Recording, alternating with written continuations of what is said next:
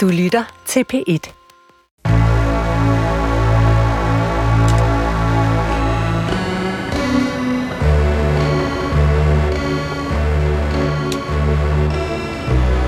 Du har ringet til Hemmeligheder på P1. Tak for din hemmelighed. Vi lover at passe godt på den. Min hemmelighed er, at øh, jeg lavede en plet i min forældres nye lædersofa. Fandt på en løgn og sagde barnebarnet. Velkommen til Hemmeligheder. Mit navn er Sanne Sigal Benoyal, og jeg har netop afspillet den første hemmelighed for den telefonsvar, du altid kan ringe til. Alt du skal gøre er at ringe på 28 54 4000, og så kan din hemmelighed blive til vores hemmelighed. Du kan også sende os en tekstbesked, og så kan vi gøre din skrift til lyd. Vi har haft øh, hemmeligheder med ude i verden. Hemmeligheder live kaldte vi det. Sådan et sted, hvor folk sad på stole og lyttede til hemmeligheder, og nogen sad på stole og fortalte hemmeligheder, og den aften blev ikke optaget på noget som helst bånd. Kommer aldrig nogensinde i æderen, så jeg føler også lidt, at det var vores hemmelighed, altså os 250 mennesker, der sad sammen den aften, og det var ret magisk. Og nu overvejer jeg, om vi skal gøre det igen. Og det, det tror jeg faktisk, vi skal. Nej, det skal vi. I dag skal vi tale om hemmeligheder i radioen, og øh, til det og til at hjælpe os med at facilitere jeres hemmeligheder, har jeg øh, simpelthen inviteret forfatter og illustrator Sofie Riese Nors. Velkommen til programmet. Tusind tak, Sanne. Det er jo altid vigtigt at etablere, hvilket forhold gæsten har til hemmeligheder, for det er simpelthen det, der kommer til at definere programmet. Så hvad er dit forhold til hemmeligheder egentlig? Oh, jamen, øh, jeg elsker at høre andre menneskers hemmeligheder, fordi jeg er meget optaget af at, øh, at komme ind i hovedet på folk og forstå folk. Og jeg bruger også andre menneskers øh, ja, fortællinger til at lære rigtig meget om mig selv. Og øh, jeg bruger jo også mit eget liv øh, også meget sådan meget privat og meget intimt i mit eget arbejde og, og deler også rigtig meget ud af mit eget liv på min social media. Øh, så jeg føler faktisk ikke selv, jeg har så mange hemmeligheder. Jeg har ikke så meget at Øh, nu skal jeg til at sige skjule, øh, at have en hemmelighed er ikke nødvendigvis, fordi man har brug for at skjule noget, men jeg kan godt lide at lægge alt på bordet, og jeg kan godt lide, når folk de gør det samme. Øhm, og, og jeg prøver så vidt muligt ikke at være fordømmende, fordi vi, er, vi har jo alle sammen ting, vi går og, og øh, er skamfulde over, eller er pinlige over, eller fortryder. Og, og jeg tror virkelig, at verden ville være et mere sikkert sted at være, hvis man kunne lægge noget af den skam og, og, og skyld og fortrydelse på hylden. Og jeg, jeg elsker, når folk de fortæller mig øh, noget, de har gået og puttet med. Hvis jeg virkelig, virkelig skal holde på en hemmelighed, så kan jeg godt gøre det. Men jeg har det sådan selv, hvis jeg fortæller nogen en hemmelighed, som de ikke må fortælle videre, så siger jeg det altid. Altså, nu fortæller jeg dig en hemmelighed, og det er vigtigt, at du ikke fortæller det til nogen. Og jeg får dem til at love det. Altså, det er ikke nok, at jeg bare fortæller dem noget, som, er, som kan, altså er en stor ting, og så forventer jeg bare, at de holder tæt. Det forventer jeg ikke af nogen. Altså, jeg forventer aldrig, at folk de holder tæt, med mindre jeg får dem til at love mig det. Altså, det er virkelig, det er, det er virkelig sjovt. Altså, fordi det jo var sådan noget, øhm, helt fra skolegården, da man var lille, mm. var det jo sådan noget, lover du? Altså hele den der sådan, armer halsup, lover du mig det? ja, så du tænker sådan, i udgangspunktet, når man fortæller ting, så er det lidt, lidt flydende, og man kan fortælle noget, man kan have gået og puttet med, men, men hvis der ligesom skal være den her forsejling, mm. det her kommer ikke videre, mm. så kigger du folk i øjnene, og så er du sådan, at nu fortæller jeg dig noget lige om lidt. Og det Amager Halsuk, den store krydsboldslangen-agtige, du ved, den, den kommer ikke ud her. Og så forventer du også, at folk holder til den. Ja, det, det forventer jeg. Og, og så bliver jeg såret og føler mig svigtet, hvis det, hvis det, hvis det ikke lukker tæt. Men, det er, men jeg tror også, det er for på en eller anden måde at øh, sætte en ramme for det, og så skal til at sige sådan, øh, det er meget vigtigt, at du, at du er opmærksom nu, og at du varetager den information, jeg giver dig med noget omsorg og noget kærlighed, og du virkelig tager det ind. Og, altså, det er sådan, øh, det, så, er det, så er det ret formelt for mig, tror jeg. Du har jo ja. faktisk sådan en profil på, på de sociale medier, som, som nemlig sådan generøst deler ud af nogle ting, som andre mennesker vil måske finde hemmeligt, eller have som en hemmelighed i deres liv. Og du sagde, at spejlingen for dig er ret vigtig. Kan du mærke, at folk også bruger dig altså som spejling? Ja, og altså, det er jo også noget, det jeg virkelig får ud af, at at dele så generøst ud af mig selv, øh, det er, at jeg får rigtig meget igen. Og jeg tror, at det tidspunkt, hvor jeg har fået allermest ud af det i mit liv, det var, øh, da jeg blev diagnostiseret med den her kroniske sygdom, jeg har, som er en sjælden tumor, øh, som er rigtig, rigtig svær at behandle. Og øh, øh, det er ikke en, ikke en underartet krafttumor, men det er sådan lidt i familie med cancer. Dog ikke noget, der, noget, der spreder sig.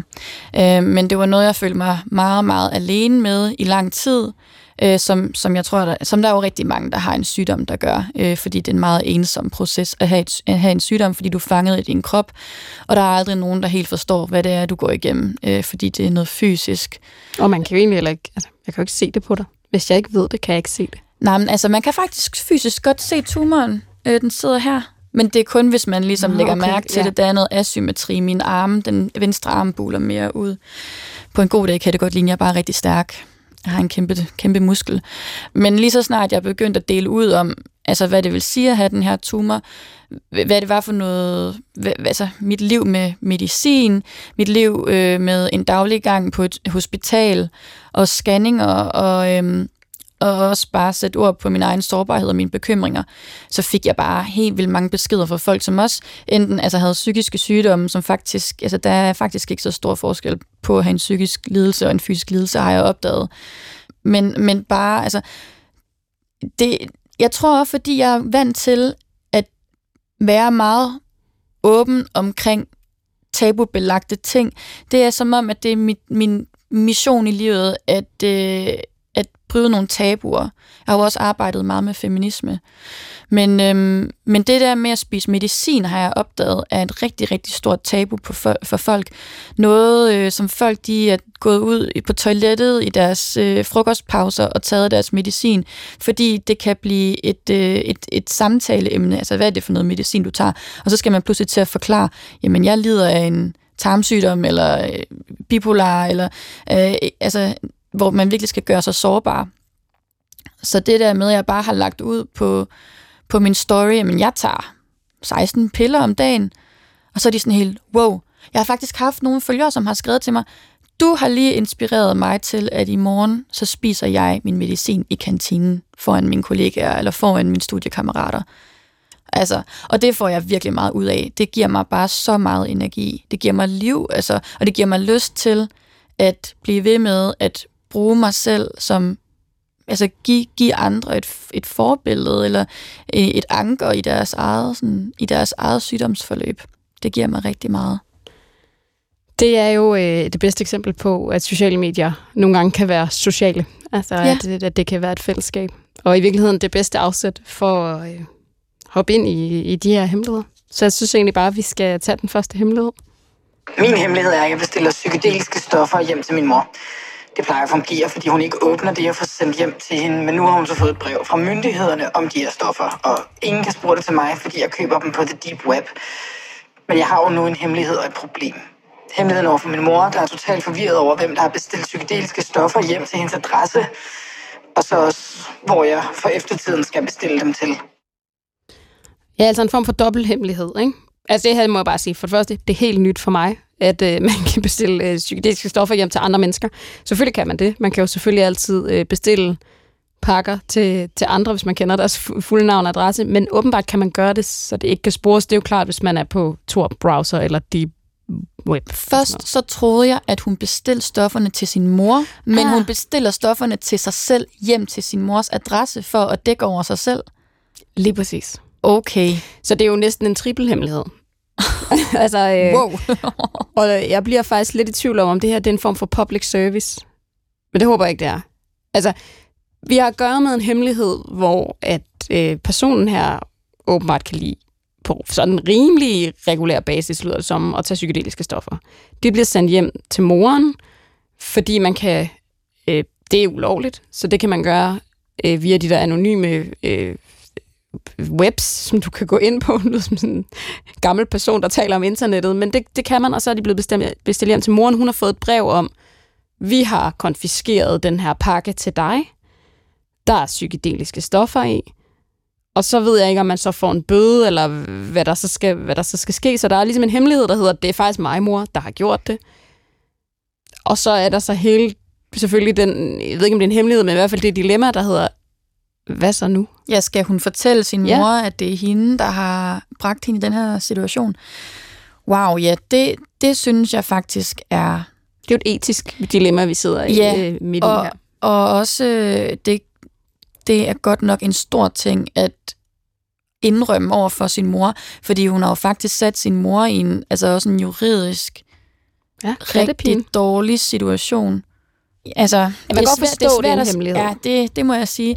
Jeg tror, det, det altså, ærlighed kommer man jo længst med, men jeg tror helt ærligt, det, det her, det bliver sådan noget, hvis hun ikke fortæller sin mor, hvad det, hvad det drejer sig om nu, så kommer hun til en eller anden gang, hvor de har drukket vin sammen og bare begynder at græde, fordi det kommer til at æde hende op.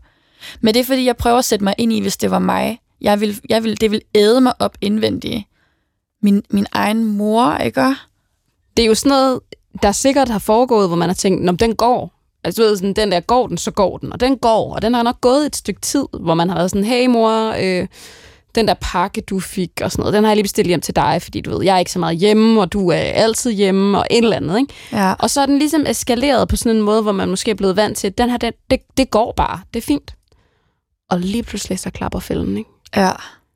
Og selvfølgelig kan moren måske bare frasige sig og sige, det ved jeg intet om, øh, aner ikke, hvad det her det er. Men den lille ting, der må være i moren, altså der må også være noget, der nager, ikke? Hvem har gjort det her? Men, prøv, Hvem har gjort det? men også prøv at tænke på, det må jo også være noget, der kommer til at fylde i hendes mors liv, fordi sådan noget med stoffer, det er jo ulovligt.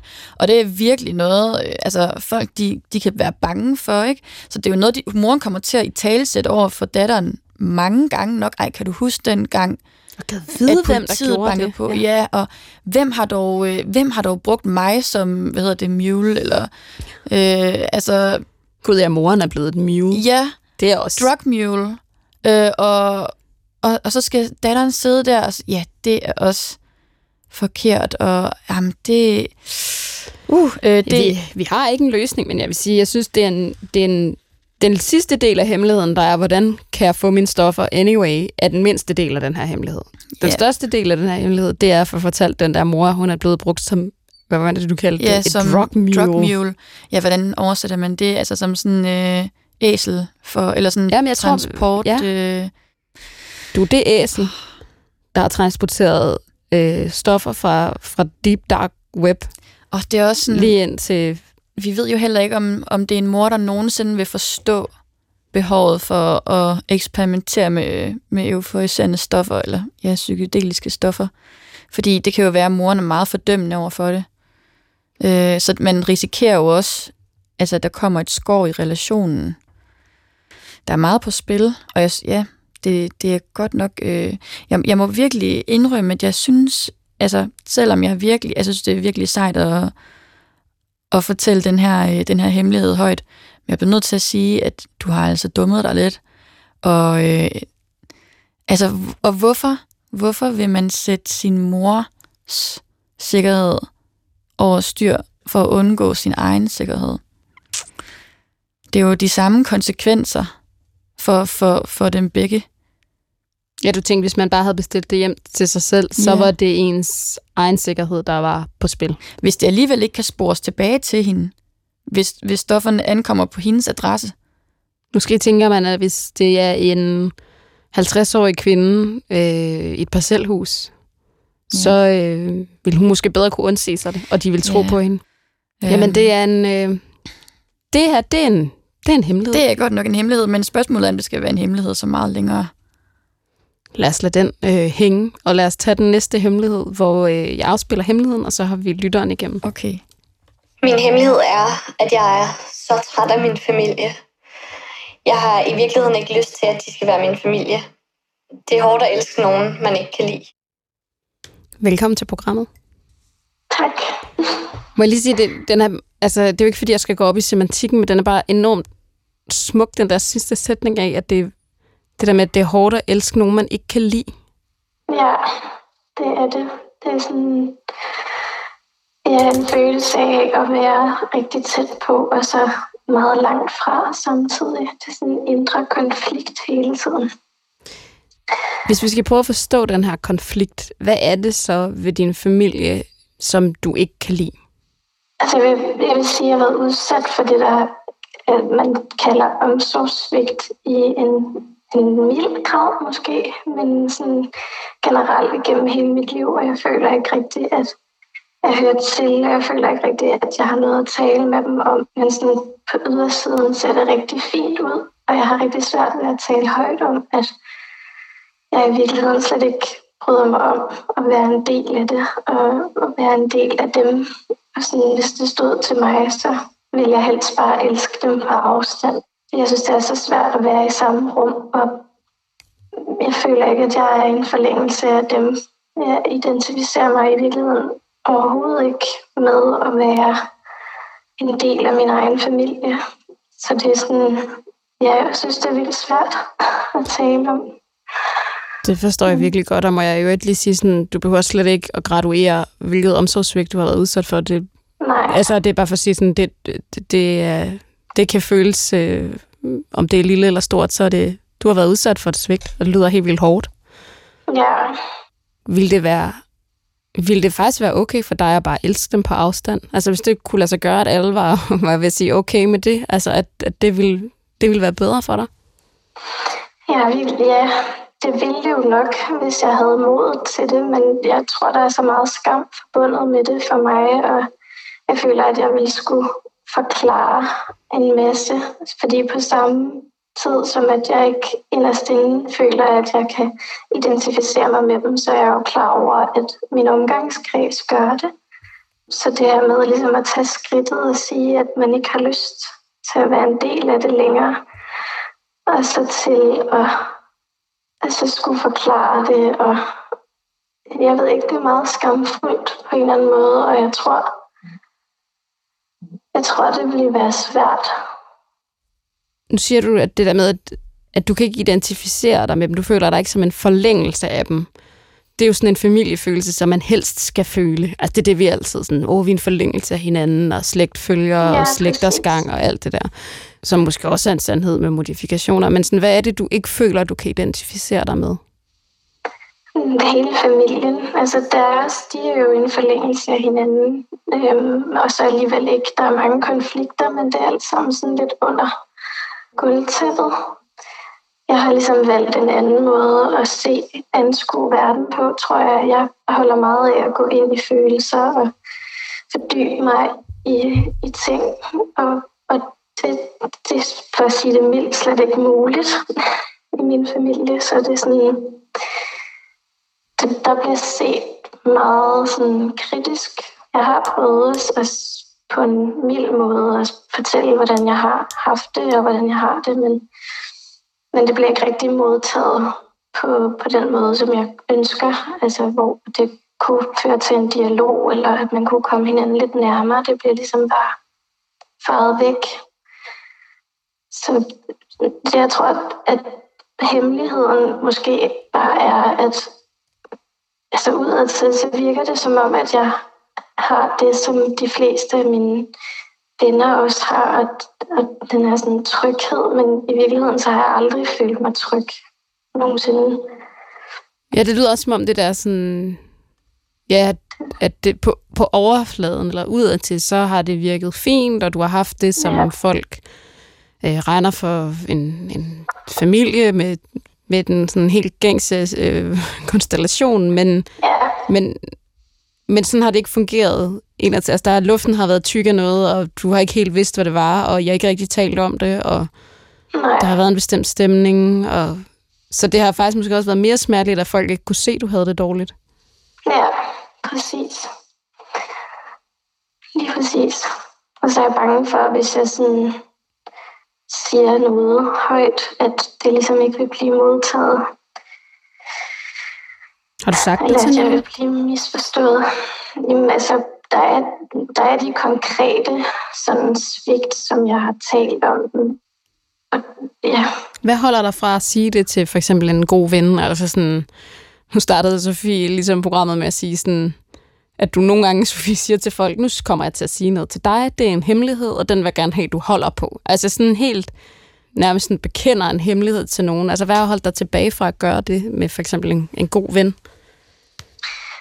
Øhm, jeg tror både, det handler om, at jeg også godt kan lide lidt, at jeg har den identitet udad til, som jeg har, at jeg kommer fra noget godt og trygt og rart, og sådan ved at fortælle det, lad os sige det højt, så falder det ligesom på en eller anden måde. Så bliver du til en anden i andres øjne. Ja, det har jeg lidt svært ved at forene mig med.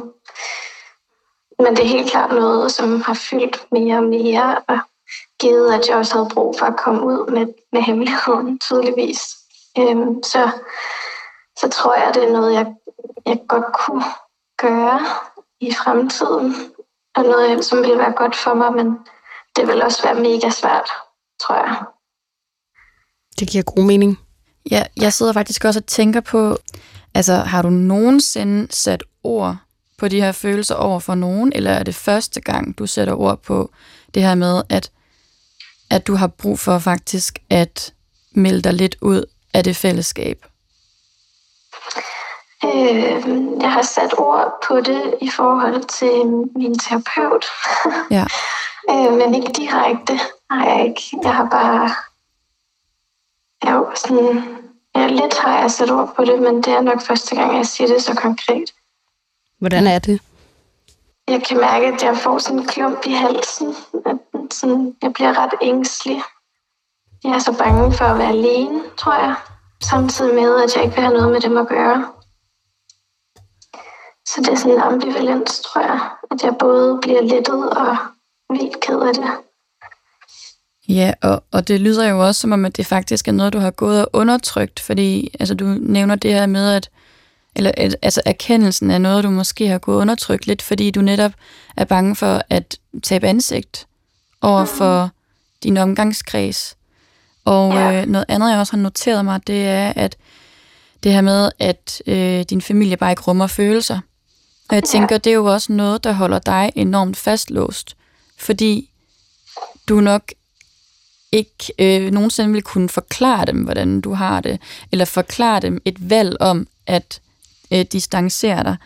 Præcis. Altså, at øh, altså, jeg, jeg nu prøver bare sådan øh, empatisere med dig, altså bare ja. tanken om at skulle sætte sig ned og sætte ord på det over for dem må være angstprovokerende, fordi jeg bare forestiller mig, at de vil bilde dig ind, at at du ser spøgelser, og at de nægter at forstå, hvad, altså, hvad deres ansvar, eller hvad, hvad det er, de har gjort forkert, som der jo er mange forældre, der virkelig, altså, der ja, ikke kan, ikke? Fordi de er ufejlbarlige, og ja. Ja. ja. Jamen, det, jeg vil 100% blive gjort til en skurk mm. på en måde, ja. De ville ikke kunne se, at det var fordi, at jeg var ked af det. De ville, og det er sådan ofte, at hvis jeg har været ked af det, så så det er ligesom blevet misforstået. Ja, det er jo øh, dobbeltsvigtet. Ja. Altså, det er jo det, der er det helt hårde.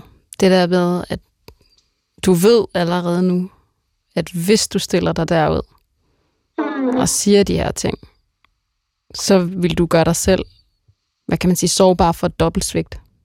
Ja. Ja, præcis. Jeg kunne høre, det resonerede virkelig godt, det du sagde der, Sofie. Ikke? Altså det der med, at mm Ja, de taler på en eller anden måde. Har I ikke samme sprog? Eller Nej. I... Ja. Har du, du behøver ikke svare på det, men har du nogen søskende, og hvordan, øh, hvordan har de været i alt det her, hvis ja? Ja, det har jeg. Øh, og jeg er også efternøler, så jeg har ikke noget sådan særligt tæt søskende forhold, som man har ofte har med sine søskende. Det er som, at de nogle af dem er flyttet hjemmefra, eller var meget ældre end mig, da jeg blev født. Så jeg er vokset op lidt som ene barn. Øhm, så det er lidt ligesom at have en kusine og en fætter. Og sådan. Jeg tror slet ikke, de er klar over, hvad der foregår. Tænk, hvis de var, og de også har det. Det ved vi jo ikke. Det aner vi ikke. Det kan være, de har det på en helt anden måde. Det lyder som om, at du tror, de har det på en helt anden måde, og du kender dem bedst.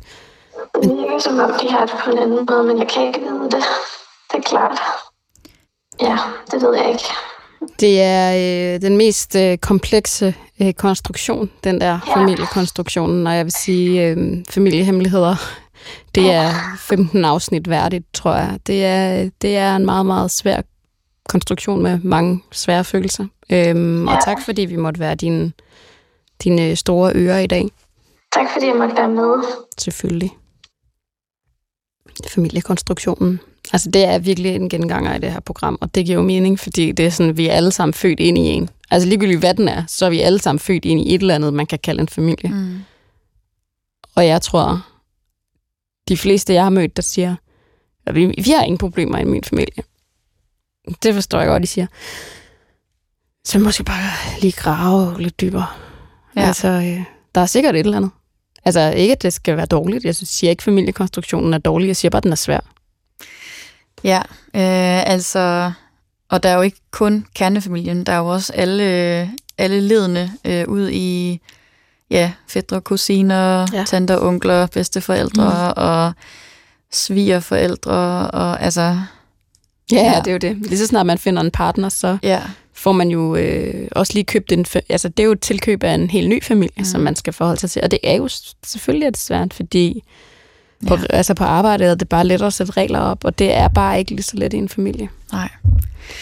Nej, det er nogle dybe følelser, og der er meget med noget, øh, ja, hvordan opmærksomheden bliver fordelt, og altså, det, det har godt nok ikke været et, i hvert fald ikke, hvad jeg ved af et issue i min familie, øh, men penge.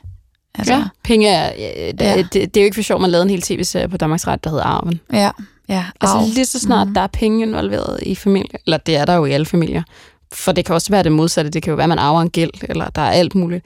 Penge og relationer, ja. familierelationer, Ja, ejendomme. Real estate, altså i forhold til arv. også svært. Ja. Mm. Jamen, øhm, det må man sige. Vi tager lige en hemmelighed øh, mere. Hej. Min hemmelighed er, at når jeg køber noget på nettet, så løber jeg det måske omkring 15% billigere.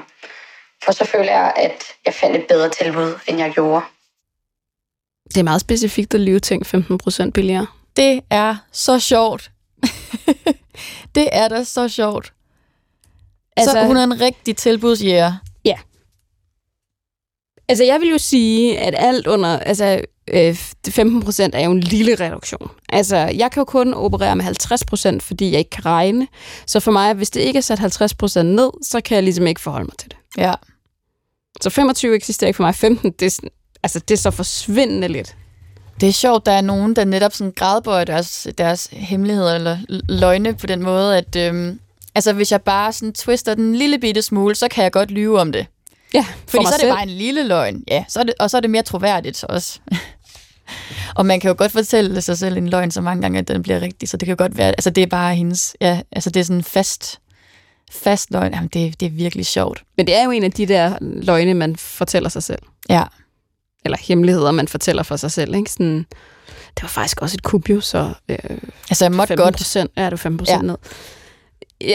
Ja, det er meget øh, sjovt, fordi jeg tænker, sådan, der kunne være alle mulige. Vi har jo ret mange klimahemmeligheder, hvor det er sådan noget, jeg, jeg lyver over for mig selv, fordi at egentlig vil jeg ikke forbruge, og så kommer jeg til det alligevel. Men her Mm. mm. er det jo sådan, det, det er en pengeting. Det er et kub. Derfor har jeg købt den. ja, men det må, der må være noget identitet i det der med at være en krejler her. Altså, øh, at man føler, at øh, ja, jeg købte det jo ikke, altså jeg blev ikke snydt. De har ikke snydt mig. Asos har ikke snydt mig. Og det har øh, de. Ja, ja, det har de. Ej, måske ikke lige Asos, måske et lidt dyrere mærke. Øh, men øh, ja, sådan en følelse af, at, øh, at man ikke er blevet taget ved næsen, man har, været, man har været en god forhandler. Jeg har været god til at handle her. Det er også derfor, de der, jeg kan huske hvert år, når der er sådan noget, det der Black Friday, så er folk sådan her, husk lige at tjekke den pris. Altså, startprisen for en måned. Altså, du ved, det er det der med sådan, den er 15 procent. Altså, der er bare så meget med forbrugerisme, der er så mentalt, Ja. ikke? Åh oh, ja, altså vi bliver meget nemt manipuleret. Ja, jeg var Ja. også nede og købe et eller andet godt tilbud nede i Fakta, eller Coop her den anden dag. Øh, og det var sat ned til 25 kroner fra 26,5. Sådan. Ja, er altså, der, der er sparet noget. det er altså lige sådan 1,25 eller sådan. Ja. De der 51. Men altså, jeg elsker jo også at handle, og jeg handler rigtig meget ind på trend sales og marketplace og DBA, og, øhm, og altså, jeg kan virkelig godt relatere til det der med, at, øh, at, man, at man skal sætte sin egen pris. Du kan godt lidt kub. Det er jo en sport at, at, at købe brugt på nettet. Øh, øh, øh, Kæmpe sport. Altså, ja, det er min største hobby. Ja. Jeg tager en hemmelighed mere, og så har vi lytteren med på telefon. Hej. I januar, hvor det er så moderne at have hvid januar, hvor man altså ikke drikker alkohol, så er jeg med på bølgen. inspireret af komikeren Jakob Tornhøj. Jeg valgte at fortsætte min hvid januar, som jeg så kalder hvid 2023. Også spørger af Jakob, som, som slet ikke drikker. Og det er som sådan ikke nogen hemmelighed, at jeg ikke drikker alkohol, men min hemmelighed er, at jeg har tænkt mig at fortsætte efter 2023. Fordi jeg kan overhovedet ikke slet ikke lide rødvin og øl og sådan noget. Det har aldrig smagt mig. Det har jeg har aldrig sagt til nogen. Jeg har ligesom bare gået igennem livet ved at drikke det, der blev serveret for mig. Selvom jeg slet ikke bryder mig om det. Udover hemmeligheden er det også en stor ting for andre, at jeg ikke drikker alkohol mere. Det er meget uforståeligt for dem. Det er først her i den 9. måned, at venner og familie har accepteret, at jeg ikke vil have alkohol. Nå, det er sådan, det er. Nej, det er fint. Bare giv mig en sodavand. Velkommen til programmet. Tak for det. Altså, øh, det kunne jo have været min hemmelighed.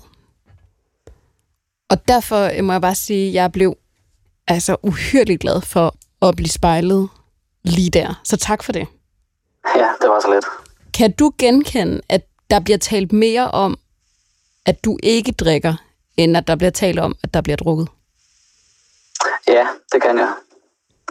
Det er, der, er- der er en stor forskel. Ja, det er der lidt, ikke? Jo, det er der. Og hvad er det, du er træt af? Kan man sige, hvad er det, du er træt af at blive mødt med, siden du ikke bare siger, prøv at jeg synes ikke alkohol smager mig? Ja. Jeg, jeg er træt af, at jeg skal forsvare, hvorfor jeg ikke drikker alkohol. Hvorfor at jeg ikke har lyst til at drikke alkohol. Det er, jeg skal, jeg skal jo nærmest hver gang lige øh, hvad hedder det, fremføre en eller anden afhandling omkring, hvorfor jeg ikke har lyst til at drikke alkohol. Det, det er egentlig det, der generer mig mest, at folk ikke kan acceptere det. Altså, med far for, at jeg bare kommer til at sige, det kender jeg totalt godt igennem hele den her samtale. Øh, så, vil jeg, så vil jeg stille nogle flere spørgsmål, fordi bliver du også nogle gange mødt med, mm, Nå, er det fordi det er et problem for dig? Altså, er du tidligere afhængig, eller altså, er der også sådan en, en nysgerrighed? Nej, det synes jeg faktisk ikke, der er. Det er, det er mere den der, at øh, jeg ligesom melder mig ud af det her fællesskab om omkring, man, man skal altså drikke noget, noget alkohol. Øhm, til, jamen, det er bare en lille fødselsdag, eller man mødes, eller en eftermiddag, jeg bare lige skal have en, en øl eller andet. Det, det er mere den, der er uforståelig. Har det så egentlig været meget, hvad kan man sige, øh, nærliggende lige at sige sådan, oh, jeg, har, jeg havde hvid øh, januar, eller nu har jeg så sådan hvid 2023. Har det været meget rart for dig ligesom at sådan støtte dig op af? Ja, det, er, det, har, været- det, det har gjort det rigtig nemt for mig. Øh, hvad man sige, januar, den var jo den var sådan set nem at komme igennem, for der var jo rigtig mange, der gjorde det i forvejen. Øh, og så, så blev det sådan lidt sværere, når man så kom lidt fra længere frem på året. Men, men det har helt klart været nemt at støtte mig op af den der med, at nu, nu har jeg egentlig bare lavet om til en hvid 23 i stedet for. Når du nu er lidt på den anden side, fordi du, det er jo mange måneder, du ikke har drukket endnu, hvad tænker du så egentlig om, sådan, når du ser tilbage på, altså på det der sådan, sådan synes jeg i hvert fald tit, det er, når jeg selv står på den anden side, altså, så, der er jo ligesom til sådan nogle fester sådan lidt, et, dem der drikker, og dem der ikke drikker. Ja. Hvordan ser du ligesom, når du ser tilbage på, på sådan som du har drukket, og sådan som folk drikker omkring dig? Øh, altså jeg vil sige, ja, men jeg har egentlig ikke oplevet, øh, altså jeg har egentlig de sidste måske, ja, i år eller sådan noget, der har jeg egentlig heller ikke været, øh, været den, der sådan har rendt øh, øh, pivvæsen rundt til fester og så videre. Der har jeg også været sådan mere tilbageholden. Øh, så skal man sige, den, den tilbageliggende periode, der har jeg måske nok sådan mere gået over som lidt, og blevet ham lidt den kedelige alligevel. Altså, den kedelige, det er jo i hvert fald også, kan man sige, det er hele den der sådan, diskurs om, sådan, hvis du ikke drikker, så er du kedelig. Eller Ja, sådan. nemlig. Ja. Ja. ja. Jamen, det er det. Det er, øh, og det er jo bare, altså, man kan sige, øh, samfundet, det er jo bygget op omkring øh, alkohol og, ja, og til den sags skyld også kaffe. Sandt. Ja, Det er sådan en det, social lim. Jamen, det er det. Altså, det, det er lidt, jeg har det samme, nu har jeg et, et job, hvor jeg sådan kører meget rundt på kundebesøg og. Og det første, der møder mig, det er jo altid, men øh, vil du ikke have en kop kaffe, du ved? Altså, Mm. det er bare, det, det er lidt den samme øh, ja, lim, som du siger, som, som alkohol også er. Så du har binder måske slet ikke engang tænkt sådan... Altså, du måske ikke engang tænkt sådan, gud, jeg kan egentlig stoppe. Altså, det har du ikke tænkt før. Altså, sådan, det ville bare være en mulighed for mig at sådan, stoppe eller sige nej, tak. Nej, nej, nej, det har jeg ikke. Øh, ikke, øh, ikke i forhold til alkohol, der har jeg aldrig egentlig slået mig, at jeg egentlig bare kunne, kunne lade være med at gøre det. Før at, øh, ja, så, jeg ved ikke, hvad, en to-tre år siden, når kommer det her med hvid januar, og så Øh, der er aldrig tænkt over det, og så har jeg så øh, også set, hvad hedder han, øh, Jakob øh, Tornhøj, øh, stand-up-komiker, han drikker heller ikke alkohol, og det nævnte han i deres shows og sådan noget, hvad problemer han havde med det. Øh, og det er egentlig først der, der har slået mig, jeg kan egentlig også bare helt lade være. Det, det, det, det må jeg egentlig selv om.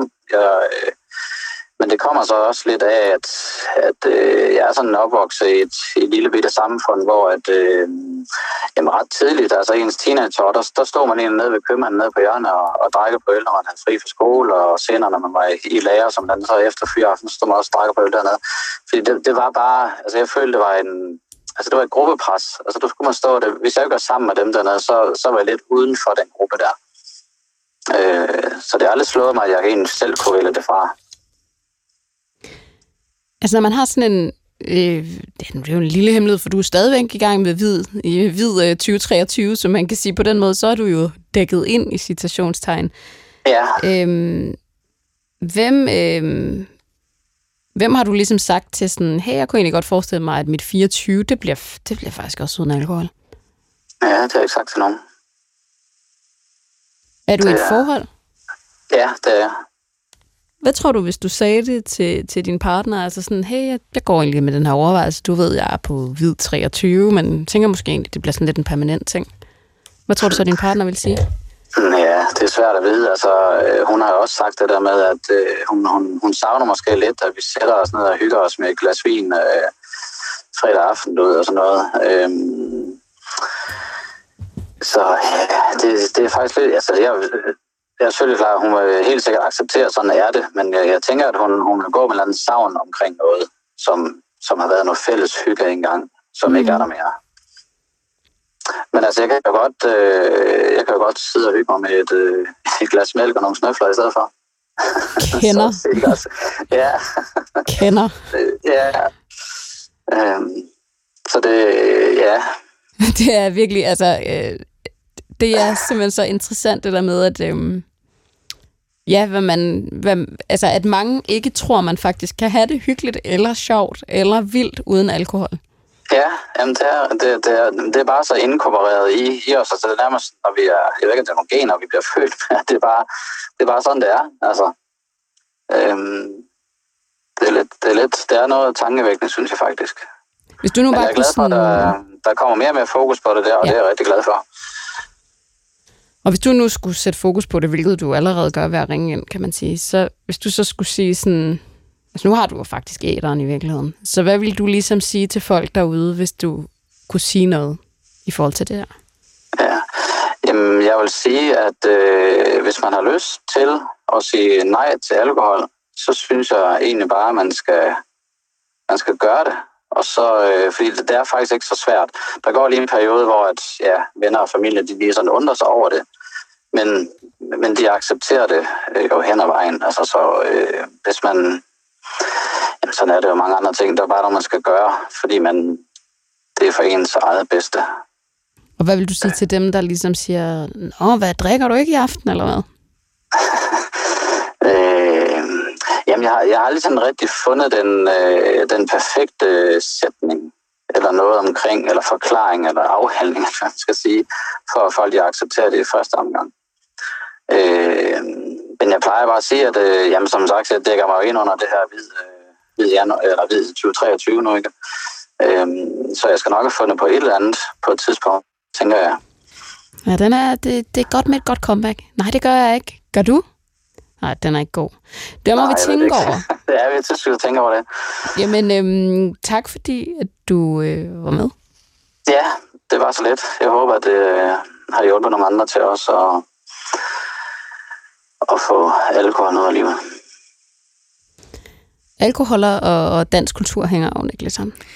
Ja, og jeg har faktisk noteret mig noget andet også. Altså mandefællesskaber og alkohol øh, er også to ting, der går rigtig meget hånd i hånd. Øh, der er sådan en, øh, en dokumentar, som ligger på YouTube, som jeg ikke lige kan huske navnet på lige nu, men, men som ligesom øh, som handler om, om mandefællesskab og maskulinitetskultur. Og de har undersøgt øh, mænds relationer til hinanden helt fra de børn. Og det er sådan, at øh, drengebørn, de er lige så øh, fysisk opsøgende til hinanden, øh, som piger er. Men når de så rammer puberteten, så begynder de ligesom at trække sig fra hinanden rent fysisk. Altså de, kan, de krammer ikke, de rører ikke ved hinanden, og sådan, de, de udtrykker ikke deres følelser fordi de begynder at pick op på nogle af de her øh, maskulinitetsidealer, der er i vores kultur. Og så snart de begynder at drikke alkohol, så får de pludselig et frirum til at være kærlige og hengivende over for deres øh, drengevenner igen, fordi så er de jo bare fulde. Så har de ligesom det her dæk, øh, dække over deres følelser, og de kan pludselig udtrykke sig igen og græde, eller øh, komme med kærlighedserklæringer, og jeg elsker dig, bro, altså, du, du er min bedste ven, ikke? det, og det er, også, det er også derfor, der er så mange mænd, der bare der, der dyrker fodbold, fordi de tager det på stadion, så drikker de øl, og så kan de ligesom dyrke en passion, hvor de, hvor de virkelig de elsker virkelig noget, ikke? Det er der, hvor jeg også tit ser, jeg øh, ser ufrivillig fodbold, fordi jeg, der er meget fodbold i mit hjem. Mm.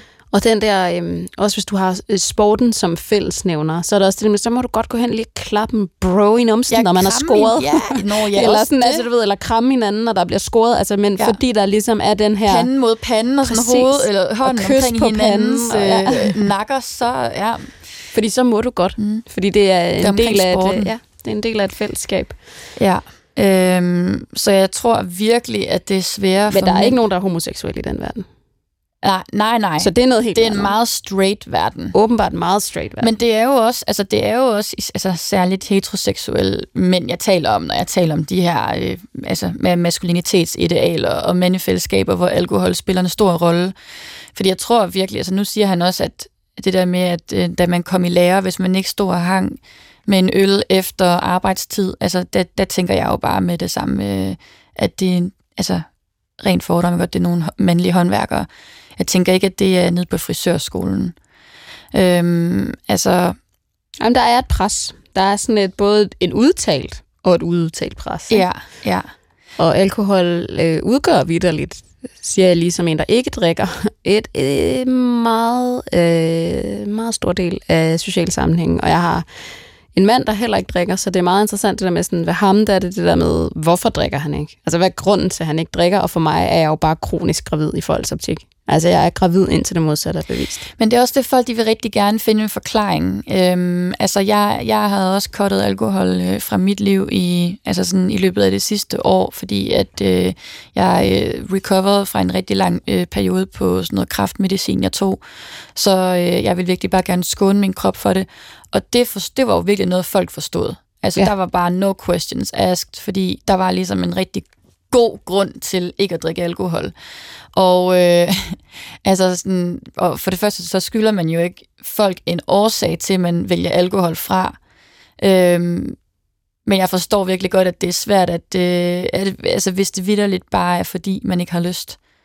Fordi, og fordi man ikke kan lide det. Og fordi folk kan ikke relatere. Ja, fordi man ikke kan Han kunne ikke lide det. Han kan ikke lide smagen af rødvin. Eller sådan. Jeg kan heller ikke lide smagen af rødvin. Jamen, det er faktisk også... Nu, lige nu, der drikker jeg. Men jeg stopper med at drikke igen lige om lidt, fordi jeg skal starte på behandling igen. Men, øh, men altså, jeg er virkelig bare begyndt at være ærlig over for folk. Altså, sådan, jeg, jeg gider ikke være så hovske snorske omkring det. Jeg siger bare, at jeg kan ikke lide rødvin. Jeg kan ikke lide hvidvin. Det eneste vin, jeg kan lide, det er Riesling og orangevin, fordi det er sådan lidt sødere. Men altså rødvin, jeg tager aldrig imod det altså, hvor, I would never, altså, hvorfor skulle jeg dog sidde og drikke rødvin, når jeg ikke kan fordrage smagen af det? Jeg synes, jeg får, en, får ondt i hovedet, og jeg får en sur smag i munden. Why? Ja, yeah, why would I? For andres skyld, never. Men apropos pres, så tror jeg, at vi tager den sidste øh, hemmelighed, som vi har på programmet i dag. Min hemmelighed er, at øh, jeg i ni måneder ikke havde sex, og alle synes, at øh, det er underligt, fordi jeg er en pige på 19 år jeg føler mig næsten presset til at skulle have sex, øh, men jeg har ikke lyst. Det er jo en kort hemmelighed, men den er jo faktisk bare ret præcis. Øhm, det er en pige på 19, der ikke har haft sex i ni måneder. Og jeg tror, og det har vi talt om tidligere i programmet, at når man er ung, så er tid på en eller anden måde lidt anderledes, end når man bliver lidt ældre. Altså ni måneder for mig lyder som ingenting. Men det tror jeg ikke, det er, når man er 19. Altså der tror jeg faktisk, at det er lang tid. Altså bare for at sige sådan, Øh, det synes jeg overhovedet ikke lyder unormalt. Øh, ni måneder er ingenting, men, men jeg kan godt øh, forstå, at tid er på en eller anden måde... Øh, den tælles anderledes. Den tælles, øh, der, der går ting hurtigt. Og det er meget, øh, det er meget interessant det der med, hvordan at det lyder som om, at den her person har det fint med det. Altså, det, det er fint. Det er helt okay, hvis man sorterede alt baggrundsstøj ude. Altså, hvis man sorterede alt det fra, hvor andre har en mening om, hvor meget sex eller ikke sex man skal have, så vil det faktisk bare være fint. Jeg har så meget at sige om det her. Øhm, lad mig lige hurtigt skrive en note mere, så jeg sådan kan komme igennem det hele. Jeg elsker, at du skriver noter. Altså, jeg bliver nødt til at sige, at jeg synes, det er virkelig dejligt, fordi jeg kan høre både det der med, når du lige tager sådan et papir af, sådan et så ved man, der er blevet skrevet en note. Og det, øh, det er faktisk også en hemmelighed, og det er ikke nogen hemmelighed, at jeg i programmet tit har sagt sådan, åh, jeg har svært ved at tale om sex. Fordi jeg ved, du er god til det. Ja, altså, øhm, jeg, kan jo, jeg kan jo godt lide at tale sex på den måde. Jeg kan godt lide at pakke, pakke øh, det ud. Altså sådan at tale om... Altså, øhm, hvorfor det her det er så komplekst. Øh, det er ikke, fordi jeg sådan vil tale om det på sådan en snasket måde, hvor jeg vil gå i, det, gå i detaljer, men det er mere det der sådan, sex som et socialt konstrueret fænomen, fordi det bare fylder helt vildt meget. Det helt, ja, det er nemlig helt vildt svært at tale om.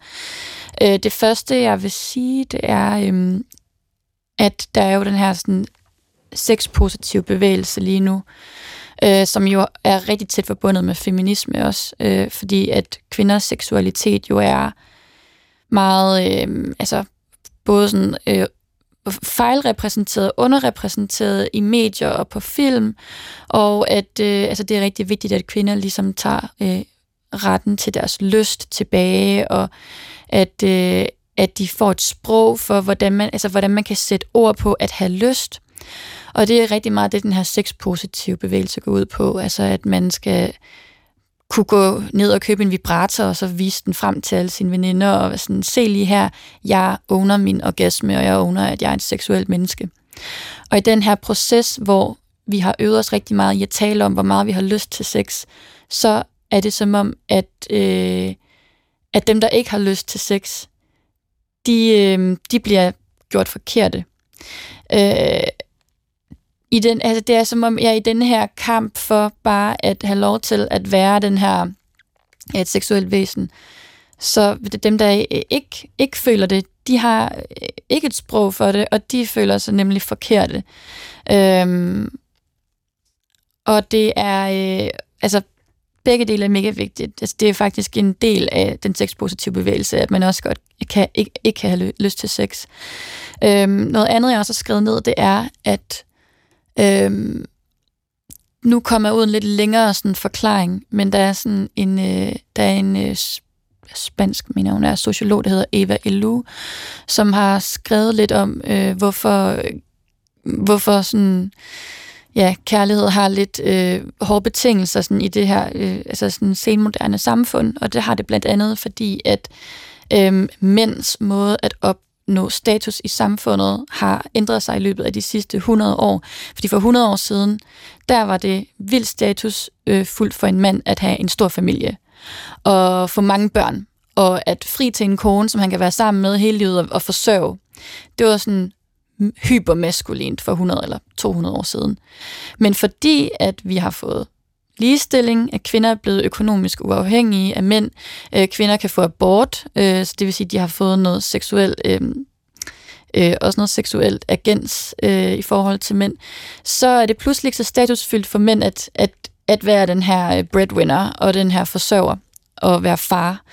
Øh, så derfor øh, så har mænds måde at opnå status i samfundet øh, flyttet sig hen på det seksuelle. Altså at være en sådan, seksuel conqueror. Altså sådan at, øh, at have så mange partnere som muligt. Og, øh, og, og måden han opretholder den her status, det er ved at... Øh, at sådan følelsesmæssigt distancere sig fra kvinder, at øh, altså, han ikke bliver følelsesmæssigt involveret med dem, at han bare ligesom bruger dem, øh, han bliver kærester med dem, han vil ikke giftes med dem, han vil bare gerne have så mange partnere som muligt. Og øh, fordi at vi jo stadig lever i et patriarkat, hvor mænds adfærd er øh, ligesom at det, vi sådan idealiserer, så er der også rigtig mange kvinder, der begynder at kigge på øh, den her sådan den her vilde sådan, seksuelle adfærd, hvor man netop ikke knytter sig til nogen, og man bare skal have så mange partnere som muligt, og øh, altså sådan Ja, altså sådan at have bolledates, fra, altså bare sådan skrive ting på Tinder, og så har man sex, og det, det, det betyder bare overhovedet ikke noget, og man har overhovedet ikke nogen følelser involveret, og man er bare så, så øh, man kan bare totalt adskille krop fra følelser, og sex fra følelser og sådan noget. Øhm, men spørgsmålet er jo bare, om det her det er sådan den, den rigtige måde at gå til det på. Selvfølgelig kan man godt øh, dyrke sin lyst, uden at det, det er romantiske følelser. Men der er også kommet en seksuel kultur, som er sådan vildt destruktiv, følelsesmæssigt destruktiv, fordi at vi idealiserer at være følelsesmæssigt distanceret fra vores sexpartnere. Øh, at så er man sådan, man er virkelig sådan en god slut, hvis man bare kan have sex med en fyr, og så bare sådan smide ham ud om morgenen efter, eller smide ham efter lige, smide ud lige efter, man har bollet, fordi at sådan, han betyder jo ikke noget for mig. Vi skal ikke være kærester, vel? Øh, og der er bare vildt mange mennesker, der bliver såret af den der kultur.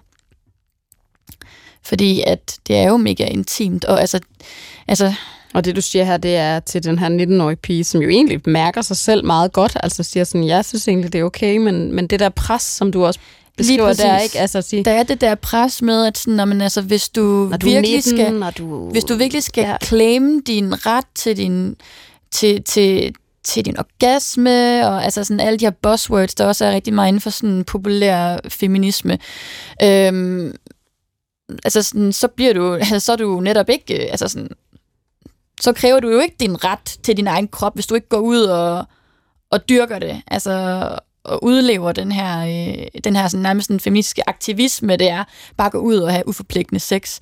Øh, så jeg vil også bare gerne sige, at det er, altså det er også, altså det er jo, åh, ja, øh, det er mega vigtigt, at vi, at vi øh, netop aftabuiserer at have lyst, og snakker om det, og går ud og, og har sex, når man har lyst. Men det er totalt kontraproduktivt, hvis man går ud og har sex uden at have lyst. Og, øh, og altså det, det er noget, jeg har gjort meget faktisk i, i starten af mine 20'er især, hvor, øh, hvor det var lidt et, et manifest for mig netop at have sex på den der måde, at sådan, jamen jeg kan jo sagtens have, have sex uden at have følelser for folk. Og det, kom, det, det slog jeg mig rigtig meget på, fordi sådan var jeg bare ikke.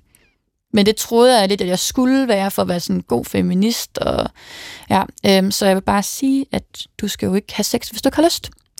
Og så skal du spille det her, jeg lige har sagt for dine venner, så de kan forstå, at de ikke skal presse dig, fordi det er ikke feministisk, og det, det er så kontraproduktivt. Det, det er jo et overgreb at få folk til at gøre ting med sin krop, man ikke har lyst til. Så usolidarisk. Og jeg synes, det er meget usolidarisk. Altså, der er ligesom en sløjfe fra, jeg drikker ikke alkohol, fordi jeg har ikke lyst, mm. til, jeg har ikke sex, når jeg ikke har lyst. Jeg havde ikke selv tænkt, at de to hemmeligheder lå op på hinanden, og det er to forskellige ting.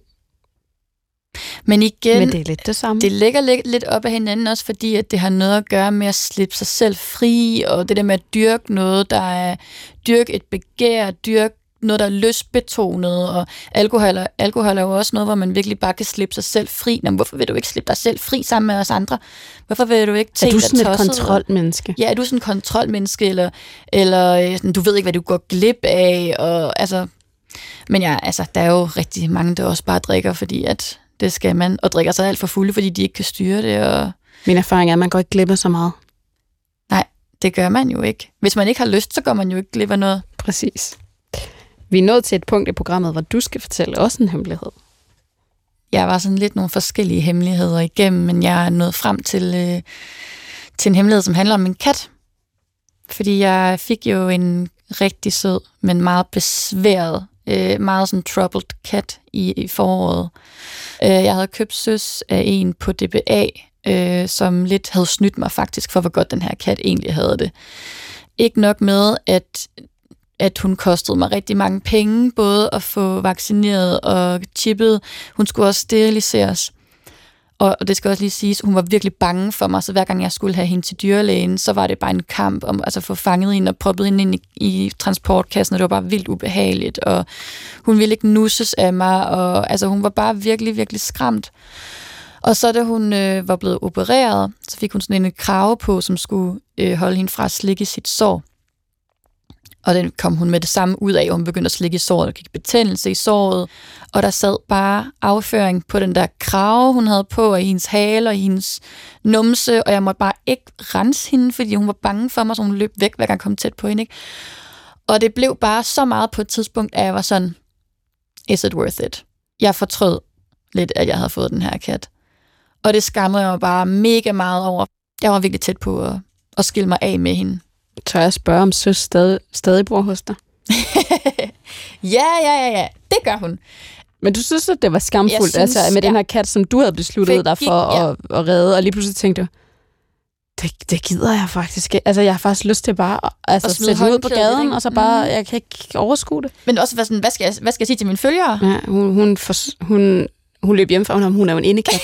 ja, den er svær. Hun er virkelig skør. Sådan får man jo nogle gange en gave sendt øh, fra universet, som man ikke havde bedt om. Sofie Riese Nors, tusind tak, fordi du var med til at lytte til andres hemmeligheder, og tak, fordi du delte den hemmelighed selv. Selv tak, og tak, fordi jeg måtte komme. Og tak, fordi I lytter med derude.